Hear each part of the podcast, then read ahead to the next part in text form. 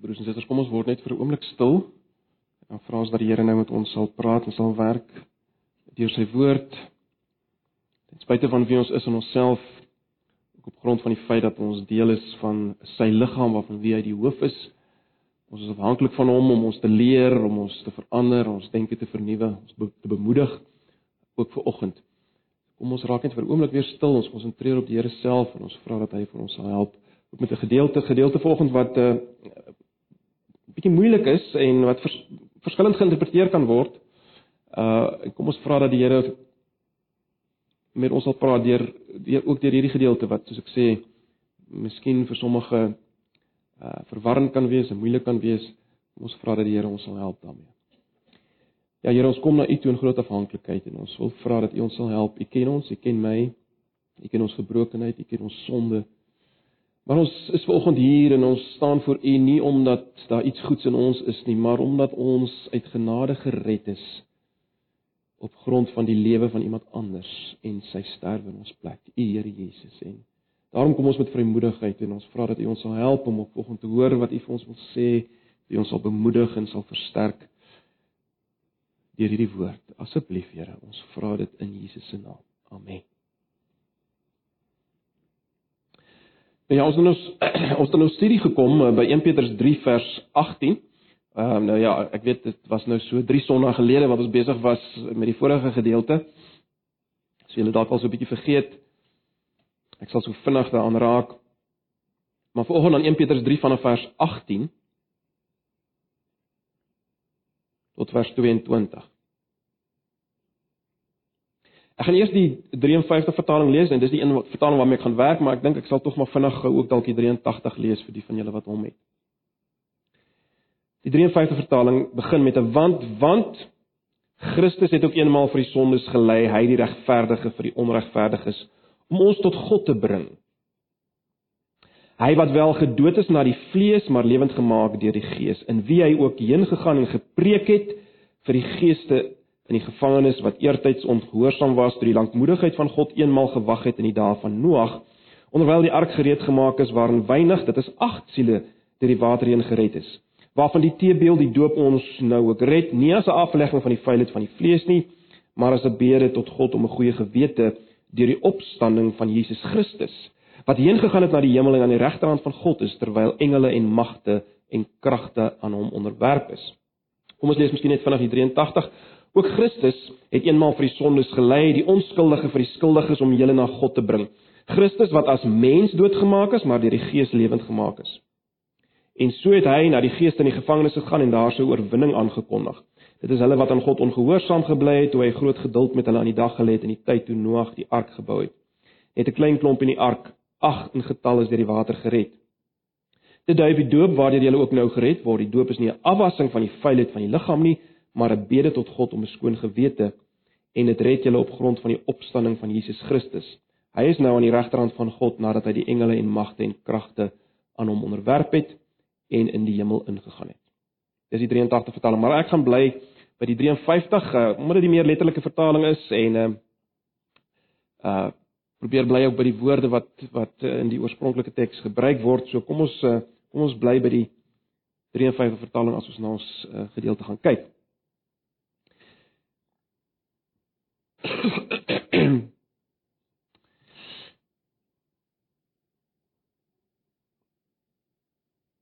Broers en susters, net so min soos 'n soos 'n skaap onaangeraak sal bly as jy hom tussen 'n groep hongerwolwe los, net so min sal 'n Christen wat rekenskap gee aangaande die hoop wat in hom is, net so min sal so 'n Christen onaangeraak bly in die wêreld waarin ons onsself bevind en waar 'n Christen hulle self bevind. Nou, miskien sê jy, maar Jakobus tye het verander. Waarvan jy nou praat dat Christene sal teenkanting kry as hulle praat van die hoop wat in hulle is. Uh, dit dit geld vir ander tye. Dit dit geld nie vir die tyd waarin ons onsself bevind op die oomblik nie. Uh, ek wil vir julle 'n aanhaling lees van uh, wat ek op 'n stadium raak gelees het wat die persoon dit so antwoord. Hy's uh, dis nou in Engels. Things have changed, you say. There's liberty now. Is there? Go and live Christ's life. Speak as he spoke, teach what he taught, denounce sin where you find it and see if the enemy will not turn on you with all the fury of hell. En dit geld vir ons by ons werksplekke, dit geld vir jou by die skool, dit geld vir jou in jou koshuis of waar jy jouself bevind. Petrus se eerste lesers het geweet wat dit beteken as die woede van die hel op jou losbrand. Hulle het geweet wat dit beteken om uitgestoot te word, om beledig te word, om gebrandmerk te word as kannibale, ateïste, terroriste. Struikelblokke vir die vooruitgang. Hulle het geweet wat dit beteken. Petrus wat hier skryf, het op 'n stadium teruggeduins om rekenskap te gee van dit waarna hy glo. Julle sal onthou, uh hy het Jesus verloon vir 'n diensmeisie vir die kruisiging. Maar hierdie selfde Petrus het later geweet wat dit beteken om vir 'n hoër hof te sê: "Julle het Jesus gekruisig." En hy weet wat dit is om in die gevangenis gegooi te word daarvoor en hy het geweet wat dit is om uiteindelik rekenskap te gee oor hierdie saak waarvoor hy in die gevangenis gegooi is. So Petrus as hy skryf, dan skryf hy um, met 'n werklike pastorale hart, 'n 'n herderlike hart vir hierdie gelowiges. Hierdie gelowiges wat inderdaad soos Hoofstuk 4 vers 12 dit stel onder 'n vuurgloed van vervolging was en uh, nog meer onder 'n vuurgloed van vervolging sou kom in die tye wat kom onder Nero. Nou kom ons dink net vinnig terug na wat ons gesien het in vers 15 tot 17. Uh ons het gesien spesifiek in vers 15 en 16, wat is nodig vir 'n gelowige, vir 'n Christen om rekenskap te gee van die hoop wat in jou is? In die omstandighede waarin jy jouself bevind in hierdie wêreld, wat is nodig om rekenskap te gee van die hoop wat in jou is? Onthou jy praat met gelowiges. As jy nie 'n Christen is volgens nie, sal jy nie weet waarvan ons praat nie. En en En wat Petrus sê wel wat nodig is is eerstens 'n 'n vrees vir Christus, 'n ontzag vir Christus wat meer is as 'n ontzag en 'n vrees vir die ouens rondom jou en jou uh, uh, die ouens wat saam met jou werk en die ouens bo jou ensovoorts. Daar's ontzag vir Christus nodig. Daar's 'n sagmoedigheid nodig en daar's 'n skoon gewete nodig. As jy wil rekenskap gee van die hoop wat in jou is. Ek gaan nie weer daarop uitbrei nie. In vers 18 uh bemoedig en vertroos Petrus hulle deur hulle oë te rig op Christus. Uh, julle sal sien vers 18 begin met 'n want in die 53 vertaling wat dit bind aan die vorige gedeelte. Die gedeelte wat praat oor oor hulle wat met rekenskap gee en gaan lei en hy sê want Christus het ook eenmaal vers 18 vir die sondes gelei, hy die regverdige vir die onregverdige om ons tot God te bring. So wat Petrus maar net daardeur wil sê is, kyk, as jy onregverdig ly, kyk na Christus. Hy was volkome regverdig. Hy het nie eenmal iets gedoen waaroor hy skaam moes hoef te wees nie. In sy mond was geen bedrog nie en God het sy woede op hom uitgestort aan die kruis. Hy ken dis pyn en smart. Hy ken dit beter as julle. Hy staan nie apaties teenoor julle swaar kry nie, maar meer nog, hy het dit alles deurgegaan om julle tot God te bring. Dis wat vers 18 sê. Om julle tot God te bring met ander woorde. Al julle pyn en al julle lyding en al julle verwerping beteken nie julle is deur God verlaat nie, inteendeel julle gaan dit deur as mense wat by God gebring is. En daarom kan julle ook weet, hy is met julle in julle lyding. Hy's met julle in julle lyding. So dis wat dis wat Petrus probeer sê vir sy mense en dis wat die Here ook vir ons uh, wil sê uh wat volgens hier sit as kinders van die Here wat moet rekenskap gee aangaande die hoop wat in ons is. Maar nou gaan Petrus verder met sy vertroosting in vers 19 en 22. En ek wil die stelling maak dat hy hier in vers 19 tot 22 vir hierdie, vir hierdie Christene wil verseker dat die Christus wat vir hulle gelei het ook die een is wat in en deur hulle getuig as hulle getuig. Nou miskien sê jy, maar Jakobus, hoe op aarde of waar op aarde kry jy dit? Wel, dit bring ons by hierdie moeilike gedeelte wat ons gelees het.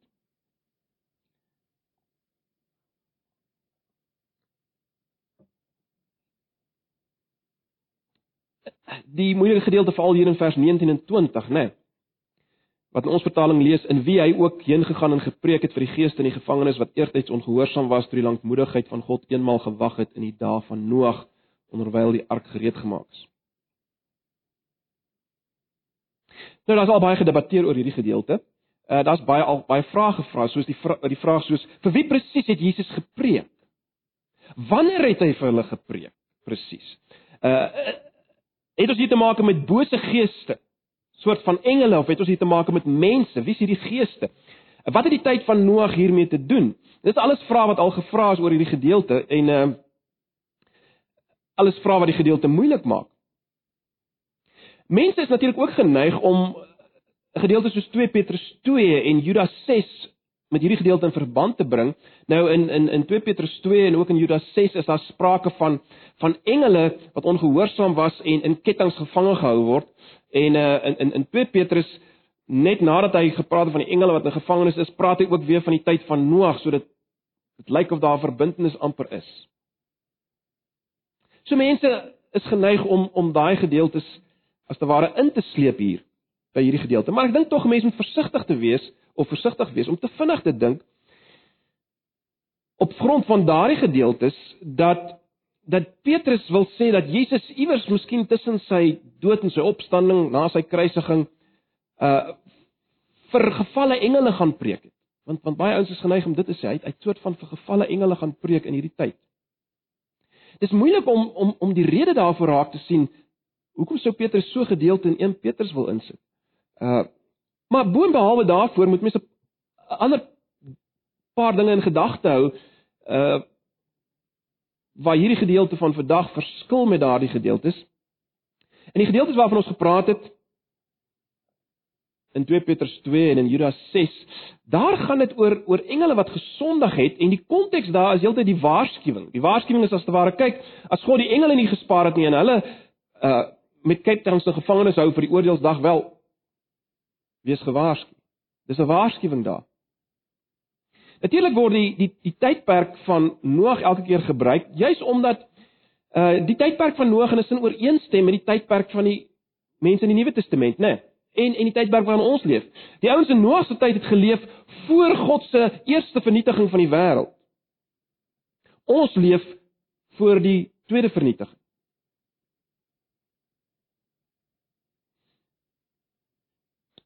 In 2 Petrus 3 praat Petrus nogal baie daaroor. Jesus gebruik natuurlik terloops ook Noag baie keer as 'n voorbeeld om te wys net soos in die tyd van Noag, so sal dit wees voor ek weer kom, né? Nee. Maar goed, ek het gesê die konteks uh in 2 Petrus 2 en Judas 6 se gedeeltes is een van van waarskuwing. Maar hier in 1 Petrus gaan dit nie juis oor waarskuwing nie, dit gaan oor bemoediging vir hierdie Christene wat ly. Dit is baie duidelik. So hy gebruik wel hierdie selfde tydperk, die tydperk van Noag om hulle te bemoedig, maar daar's daar's belangrike verskille. Hy praat doelbewus nie in hierdie gedeelte van engele wat ongehoorsaam was nie. Hy praat nie van engele wat ongehoorsaam was nie. En tweedens die hele gedagte dat Christus gepreek het vir hierdie geeste waarvan hier gepraat word in die gedeelte wat ons gelees het, is eie aan hierdie gedeelte. Dit kom nie in daai ander gedeeltes 2 Petrus 2 en Judas 6 kom dit Judas vers 6 kom dit nie voor nie. Kom nie daar voor nie. Terloops, julle sal sien die 83 vertaling praat van Christus wat sy oorwinning aangekondig het oor die geeste. Maar dis nie dis nie dis nie in teks nie. Dis al klaar 'n soort van interpretasie. Daar staan dat hy het gepreek en ek dink dit is belangrik dat daar staan hy het gepreek. My beskeie mening is dat vertalers almal bietjie beïnvloed is deur deur 2 Petrus 2 en en Judas vers 6. En daarom is die Grieks so vertaal dat dit inderdaad geïnterpreteer kan word asof Jesus uh na sy kruisiging gaan preek het vir vir geeste in die gevangenis. Hoe jy dit ook al hierdie geeste dan nou interpreteer. Ek verkies om om as vertrekpunt te neem 'n vertaling wat baie geldig is, 'n baie geldige vertaling van hierdie gedeelte, van hierdie verse. En ek ek dink dit is veral dis professor Wayne Grudem wat veral hierop gewys het dat die dat die Grieks in homself as jy gaan kyk na die tyd aspek van die Griekse teks, kan dit so vertaal word. So ek ek ek wil ek wil julle daarop wys. Nou kom ons kyk net eers na weer na hoe ons ons vertaling, die 53 vertaling dit vertaal. Daar word gepraat in vers 19 in wie hy ook heen gegaan en gepreek het vir die geeste in die gevangenis wat eertyds ongehoorsaam was toe die lankmoedigheid van God eenmal gewag het in die dae van Noag. Nou my sou met met reg taalkundig korrek dit so kon vertaal vers 19 en 20. Mens sou kon vertaal met hy, dis Christus, het gegaan en gepreek vir die geeste wat nou in die gevangenis is. Komma, hulle wat God voorheen ongehoorsaam was, komma toe die lankmoedigheid van God gewag het in die dae van Noag. So dis dis die verskil. Mens kan nou wys in die vertaling of mens kan die vertaling so vertaal dat dit gaan oor ouens wat geeste wat nou in die gevangenis is.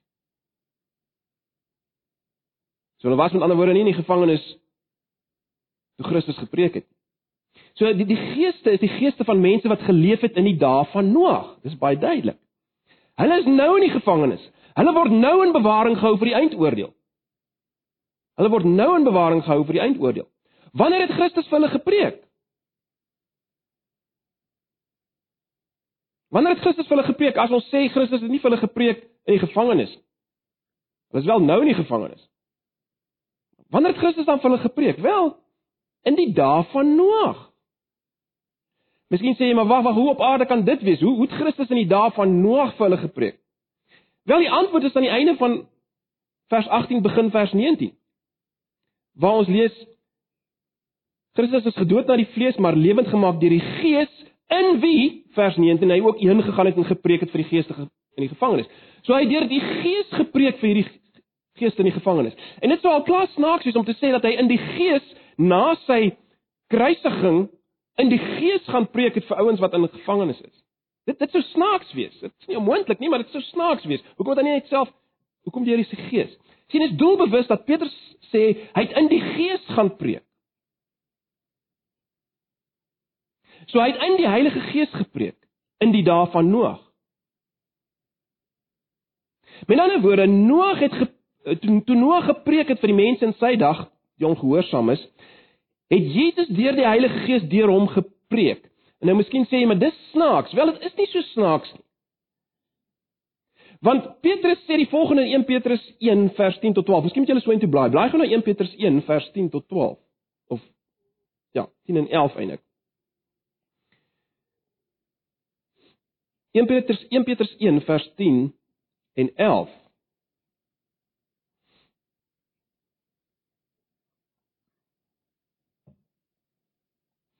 Petrus het gepraat oor die oor die saligheid wat kom en dan dan sê hy in vers 10 aangaande hierdie saligheid het die profete wat geprofeteer het oor die genade wat vir julle bestem is ondersoek en nagevors en hulle het nagespeur op watter of hoedanige tyd die gees van Christus wat in hulle was gewys het toe hy vooruit vooruit getuig het van die lyde wat oor Christus sou kom en die heerlikheid daarna. So is baie interessant. Petrus praat van die feit dat mense in die Ou Testamentiese tyd, die profete, die mense van God in die Ou Testament, het deur die en hy hy sê spesifiek deur die gees van Christus gepraat, geprofeteer. So dit lyk vir my die punt wat Petrus wil maak is is dat hierdie gees van Christus wat in die profete was, ook in Noag was. En dis die manier hoe hoe hoe hoe, hoe Jesus as te ware al vir ook vir daai mense in Noag se tyd, die ongehoorsaam is in Noag se tyd, hoe dit eintlik Christus was deur die Gees, deur sy Gees wat vir hulle gepreek het. As 'n mens dit so vat, dan dan dan dan raak die bemoediging wat Petrus wil gee vir sy lesers nogal duidelik, nie waar nie? Dan wil Petrus vir sy mense sê en ook vir ons Julle wat nou verantwoording doen aangaande die hoop wat in julle is. Julle wat nou getuig. Julle wat na aan die eindoordeel leef. Onthou julle is nie so uniek daarin nie. Hierdie selfde Jesus wat onregverdig gelei het vir julle, hierdie Jesus wat lyding ken, hierdie Jesus weet ook wat dit is om vir ongehoorsaames te preek soos julle.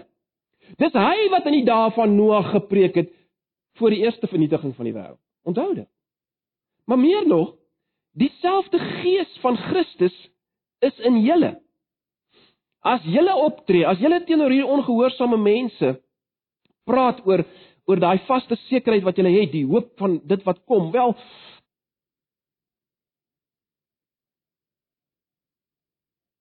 Onthou, dis dieselfde gees waardeur Christus dit gedoen het, waardeur julle dit doen.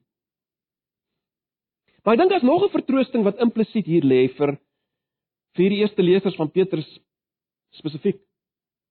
Onthou Petrus se eerste lesers het gevangenskap, werklike fisiese gevangenskap in die in die in die gesig gestaar en baie van hulle is uiteindelik in die gevangenis gewerk. So as Petrus praat van die geeste in die gevangenis, dan dan is daar 'n soort van 'n ironie hier. En is nie dit is nie toevallig dat hy die woord gevangenis gebruik nie. Hy wil as te ware op 'n ironiese wyse vir hierdie Christene vertroos dat al sou julle julleself nou in die gevangenis bevind, wel onthou dit. Jy's die ouens wat nie na julle wil luister nie. Dis hulle wat in die gevangenis gaan beland. En hulle gaan daar wag nie vir die veroordeling van 'n van 'n aardse heerser, 'n Romeinse heerser nie. Hulle gaan daar wag uiteindelik vir die veroordeling van die regter van hemel en aarde. So onthou dit, as jy in gevangenis gewerp word, die bordjies gaan verhang word. Die bordjies gaan verhang word, onthou dit. En dit lyk vir my daar's nog 'n nog 'n vertroosting hier vir Petrus se eerste lesers. Petrus wil hê hulle moet raak sien dat die feit dat hulle min is, die feit dat hulle min is, Hulle moet dit nie as snaaks sien nie. Want net 8 ouens is gered voor die eerste vernietiging van die wêreld. Net 8 ouens. So as jy min is, onthou op elke gegee tydstip is die wat gered is min teenoor die wat nie gered is nie. Ja, uiteindelik sal daar 'n ontelbare menigte wees, maar dit lyk vir my op 'n gegee tydstip is dit dikwels so dat die wat gered is min is teenoor die wat nie gered is nie. So, Petrus sê vir sy mense, moenie verbaas wees as julle getalle klein is. Maar daar's nog 'n vertroosting wat hy hier wil gee. Hy weet dat daar een ding is wat 'n mens verlang om te weet as jy deur deur sulke vervolging gaan. Deur die vuurgloed van vervolging gaan. Daar's een ding wat jy wat jy seker wil weet en dit is die sekerheid van jou uiteindelike verlossing. Die sekerheid dat jy verlos is. En daarom kom wys Petrus dat net so seker as wat 'n handjie vol in die tyd van Noag gered is, net so kan hulle wat gedoop is. Hulle is hulle min weet dat hulle gered is en hulle doop moet hulle daaraan herinner. En dis wat ons bring by die gedeelte ehm um, in vers 20 en 21. Vers 20 het ons nou gesien dis net 8 siele wat deur die water heen gered is en dan vers 21 sê waarvan die teebeeld die doop ons nou ook red, nie as 'n aflegging van die fynheid van die vlees nie, maar as 'n bede om 'n goeie gewete deur die opstanding van Jesus Christus wat heen gegaan het na die hemel en aan die regterhand van God is terwyl engele en magte en kragte aan hom onderwerp is. Nou, in die eerste oogopslag kan dit lyk asof hier gesê word die die doop in sigself red ons, maar maar ons weet dit kan nie wees nie, né? As ons kyk na die res van die Bybel, is dit baie duidelik, ons word nie gered deur die handeling van die doop nie. Of dat dit nie die doop in sigself nie, maar dit waarvan die doop doop praat wat ons red. Ons weet dit, so ons ons ons ons moenie laat hierdie gedeelte ons uitgooi nie. Daar's baie gedeeltes wat wat praat oor die doop en uh, ek gaan nie vanoggend op dit alles ingaan nie. Maar as ons net kyk na wat wat hier staan. Dis baie interessant. Uh Petrus praat van die ag siele wat deur water heen gered is. Waarom sê Petrus nie hulle is van die water gered nie? Wel, waarskynlik omdat die water het beide die goddeloses vernietig, maar die water het ook die ark bo gehou, né? En Petrus het al klaar in gedagte die as hy da, dit skryf daar, dan het hy klaar gedagte waarna hy op pad. Hy wil hierdie vergelyking trek met die doop, né? Wanneer Petrus die doop vergelyk met die die waters van die vloed of wanneer die doop vergelyk word met die waters van die Rooi See soos byvoorbeeld wat Paulus doen in 1 Korintiërs 10 vers 2 Dan is die rede vir die gebruik van water die die bedreiging wat water afgebeeld het veral in die in die Ou Testamentiese tyd. Hy water was 'n bedreiging. Onthou, die die die, die hele skepping het plaasgevind uit water. Voordat God geskep het, was daar water wat wat gedui het op op uh chaos. En water was ook heeltyd 'n bedreiging geweest, iets waarvoor hulle bang was. Terloops, dis een van die redes waarom in Openbaring daar gesê word op die nuwe aarde gaan daar nie 'n see wees nie. Om te sê daar gaan nie bedreiging wees nie. Maar goed, hoe dit ook al sê, dis belangrik.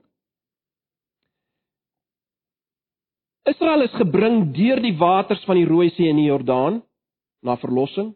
Noag is gebring deur die waters van die vloed na verlossing. Christene word ook by wyse van spreuke gebring deur die waters van die dood en vernietiging en sonde na 'n nuwe lewe in Christus. En die doop is die simbool daarvan. Dit dit beeld dit af, dit beeld af dat jy onder oordeel gegaan het, maar uitgekom het. So in daai sin dui die water op op 'n oordeel wat oor julle gekom het, maar julle het uit dit gekom. Dis dis die afbeelding van die doop. En dit is interessant Petrus praat van die doop as 'n as 'n die die vertaling in ons vertalings as 'n bede tot God om 'n goeie gewete.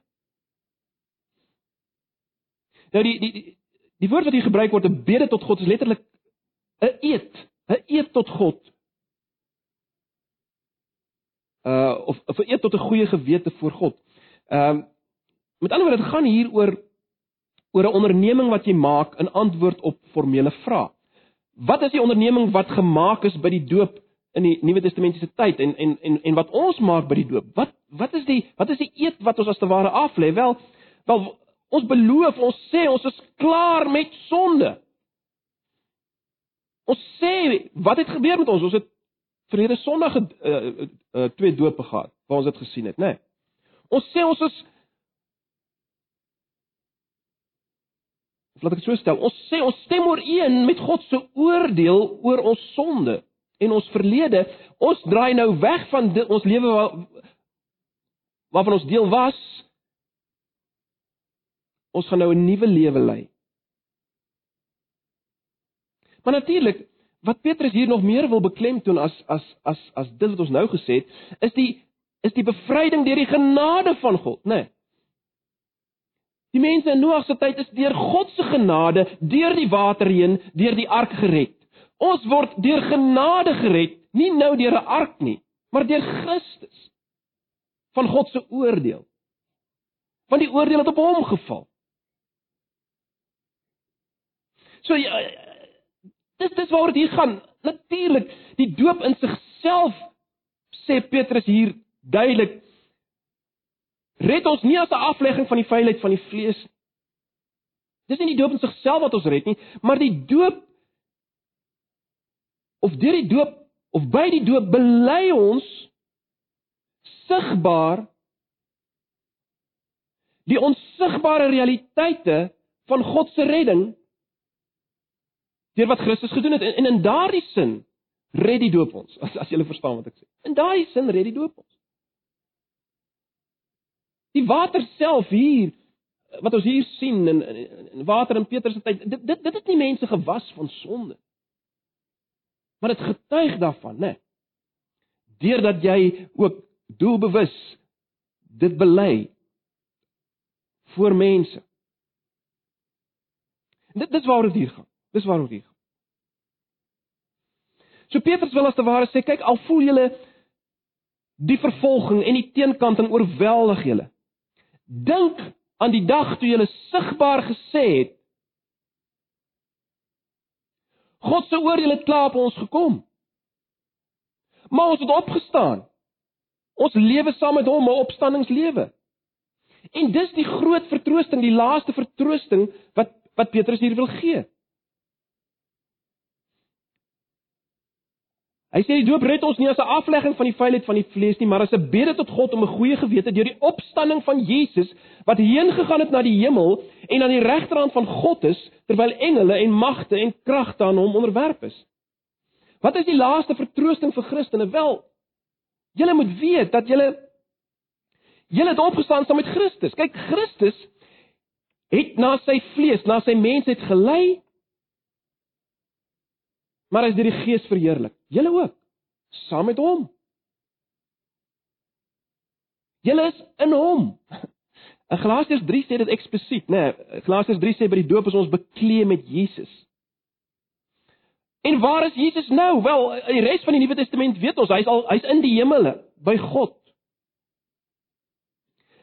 En Petrus wil hier ook vir die gelowiges sê, kyk, dit mag lyk asof die bose die oorhand het As mens kyk na julle vervolging en die teenkanting, maar onthou vers 18.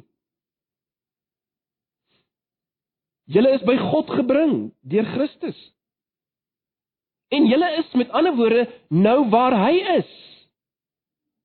En waar is hy? Wel, dis waarvan vers 22 praat. Hy's aan die regterhand van God terwyl engele en magte en kragte aan hom onderwerp is. Hy's in 'n oorwinningsposisie. En dis wat julle is. Die doop verseker julle, julle is deel aan hierdie opstandingsoorwinning. Onthou Petrus het die hemelvaart aanskou, hy het dit gesien. Hy het gesien hoe Jesus opvaar na die hemel. En hy uh, hy, hy verkondig dit hier aan die hand van Psalm 110 in 'n sekere sin as hy praat van die feit dat Jesus sit aan die regterhand van die Vader. Die die die die hele simbool van die regterhand was was dit gewees as jy aan die regterhand van iemand sit dan jy alle uitvoerende gesag en mag. As jy aan die regterhand van die koning gesit het, wel dan het gesê dan het gesê jy voer die gesag uit. Jesus gaan sit aan die regterhand van die Vader. So Jesus het 'n posisie van alle gesag en autoriteit oor al die magte van die skepping. Met ander woorde, Christene, julle hoef nie bang te wees vir die Romeinse swaard nie of die woede van die magistrate nie of die Satan nie. Julle behoort aan die Here en julle is alreeds in 'n sekere sin verhoog in heerlikheid. In hierdie posisie van oorwinning. En dit geld ook vir ons. In ons kontekste waar ons moet staan vir die Here en ons voel ons is alleen en niemand dink soos ons nie en almal dink soos soos die wêreld dink en soos wat verkondig word deur die sosiale media en ek's alleen en, en ek word ek kry teenkant en wel dink aan jou oorwinningsposisie in Christus.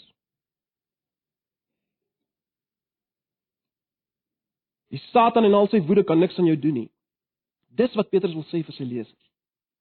So kom ons staan terug en ek en dan vra ons onsself samevattend, waarom waarom skryf Paul uh, uh ekskuus Petrus hierdie snaakse gedeelte?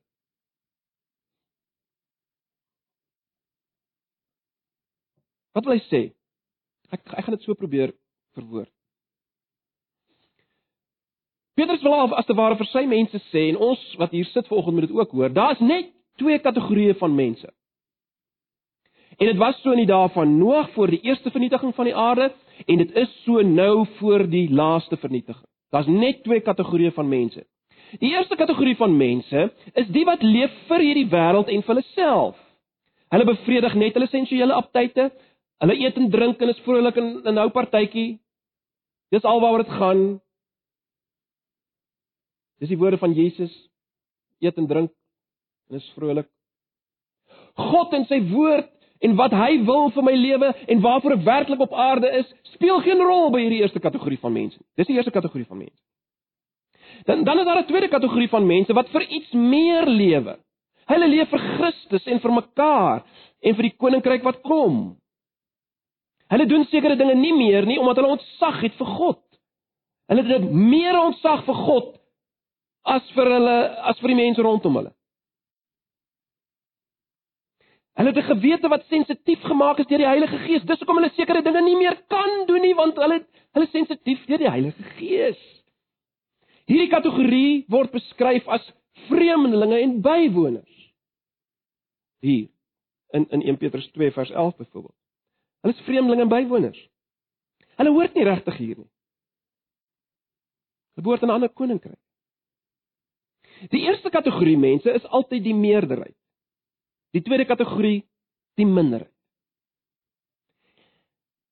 En die tweede kategorie staan altyd teenoor die eerste kategorie en gee rekenskap oor die hoop wat in hulle is, soos in die dae van Noag, so ook nou. Hulle waarsku. Hulle waarsku dat daar is 'n God. Daar is 'n God vir wie dit tel wat jy nou doen, vir wie jy eendag gaan staan en gaan rekenskap gee. Daar is 'n God, al dink jy nie nou so nie, al voel dit vir jou nie so nie. Daar is 'n God. En jy gaan rekenskap gee vir hom. Die tweede kategorie staan altyd teenoor die eerste kategorie en getuig daarvan. Die eerste kategorie minag egter hierdie boodskap. En vervolg in watter sin of in watter mate ook al die tweede kategorie. Dis altyd so. Dis altyd so in verskillende forme. Op die oppervlak lyk dit asof die eerste kategorie mense die belangrikste is. Ek bedoel dis hulle wat uh, dit dis soos mense is. Ek bedoel wat oral is is hulle. Hulle is die meerderheid en hulle gee die pas aan. Oral, of jy die televisie aansit of die rekenaar, hulle hulle gee die pas aan. Dit lyk asof hulle in die oorwinningsposisie is. Wat kom sê Petrus hier? Hy sê as te ware vir sy mense, kyk, julle julle moet begin raak sien wat is die realiteit agter die gordyne. Hierdie eerste kategorie mense is die wat vir ewig en altyd in gevangenskap sal wees. Ek sê dit weer. Hierdie eerste kategorie mense, so vry en so selfversekerd en so in beheer en so suksesvol soos hulle nou lyk, gaan hulle vir altyd en ewig in gevangenskap wees. Vir die finale oordeel word hulle bewaar. Die finale oordeel onder die hand van God. Die tweede kategorie is totaal 'n ander bootjie. Die verskil is Jesus Christus. Hulle het reeds God se oordeel deurgegaan.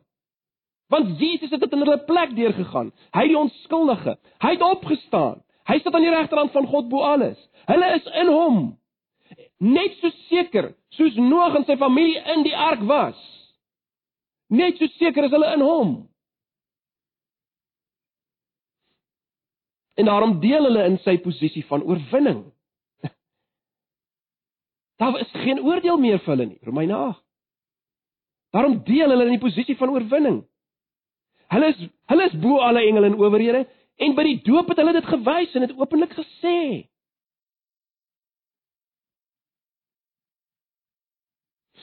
Hierdie tweede kategorie mense se se pyn wat hulle deurgaan en die bespotting en die uitsluiting en die alleen wees en al hierdie dinge weeg dus nie op teen wat hulle reeds is en uiteindelik finaal gaan wees nie. Hulle is by God en gaan vir ewig op 'n nuwe aarde by God wees. Jy sien dit weeg nie op. En hierdie kategorie mense kan weet dat wanneer hulle praat oor die hoop wat in hulle is, dan is dit die Heilige Gees van Christus wat deur hulle praat. Dit was so in die tyd van Noag en is nou so.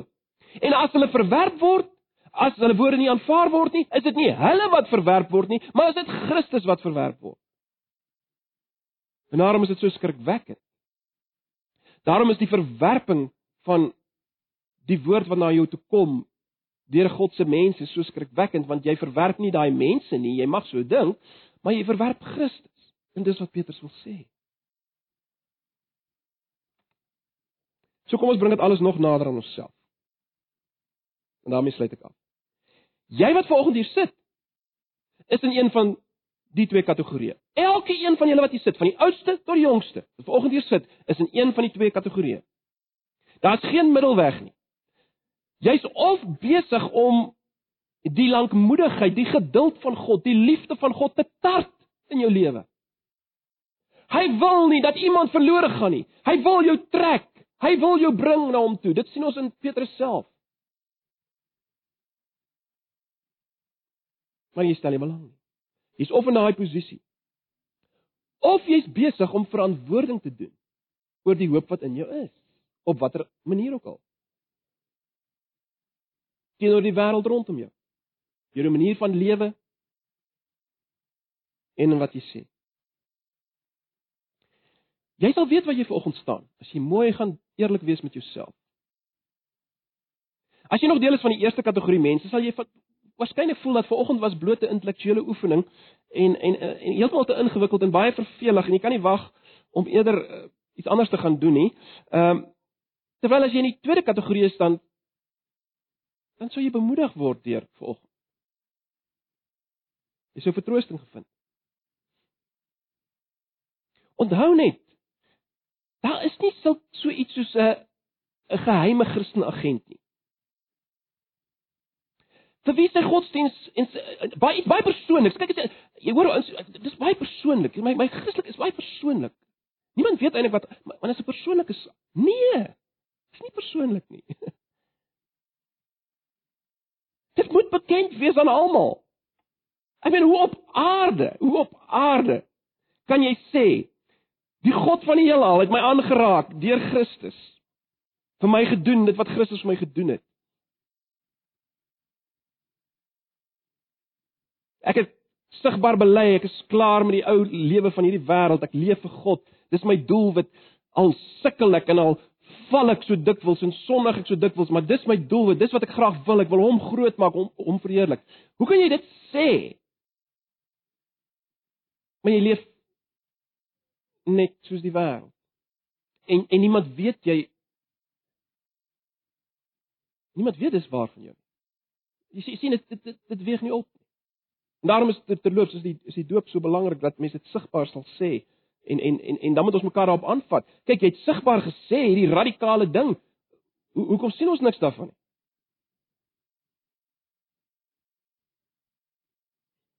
So daar's net hierdie twee kategorieë. En my punt is maar net jy, jy kan nie in die geheim deel wees van die tweede kategorie nie. Mens moet dit weet. En daarom moet jy vanoggend luister na die na die alarms van jou siel as ek dit so kan stel, die alarm van jou gewete. En buig weer voor hom. Buig voor die 1 vers 22 wat aan die regterhand van God is, terwyl alle kragte en magte aan hom onderwerf is, buig voor hom. Bely en begin anders leef. Broers en susters, Ons is nie net besig met intellektuele oefeninge nie. Ons is nie net besig om te kyk uh, kan ons presies sien wat hierdie teks sê nie. Ons ons is tog hier as as mense wat wil weet hoe moet ons leef. Hierdie gedeelte is ook vir ons. Al, al word ons nie in Romeinse tronke gegooi op dieselfde manier nie. Die punt bly dieselfde. Ag, my gebed is vir myself en vir ons elkeen dat die dat die Here ons sal bemoedig en sal versterk ook deur hierdie gedeelte. Ook deur hierdie gedeelte. Kom ons word stil vir 'n paar oomblikke, elkeen van ons by onsself en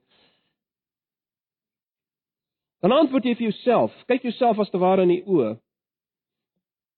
By wyse van spreek en sê vir jouself, wat se in watter kategorie is ek? As ek myself moet plaas, waar is ek werklik?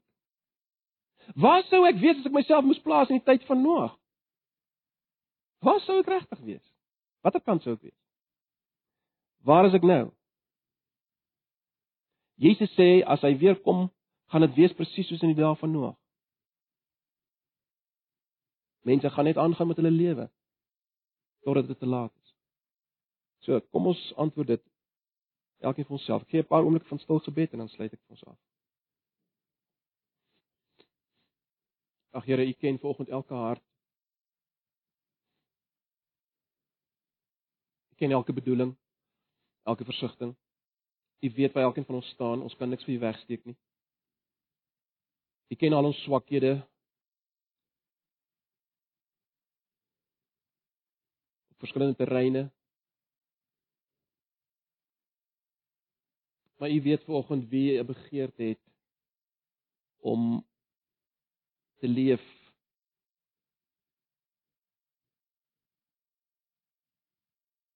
as tweede kategorie mense. My gebed is dat U elkeen van hulle sal bemoedig en sal versterk. Hulle vir wie U aangeraak het. Hulle vir wie U gered het uit genade uit net soos Noag deur genade gered is. Wil jy hulle in hierdie oggend bemoedig en versterk? Val ons seker is oor baie dinge miskien. Die van hulle wat vanoggend twyfel oor hulle eie redding, wil U hulle bemoedig en versterk.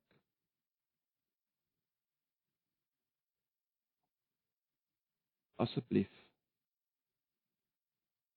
Ag Here, en gebruik ons as gemeente maar net om soos die eerste lesers van die Petrusbrief te leef as vreemdelinge en bywoners, maar vreemdelinge en bywoners wat aktief besig is om rekenskap te gee van die hoop wat in hulle is en dinge rondom hulle aan te spreek deur hulle manier van lewe wat hulle sê asseblief gebruik ons as as gemeente ook wat dit betref met al ons swakhede al ons gebreke gebreke. Asseblief ons vra dit in Jesus se naam. Amen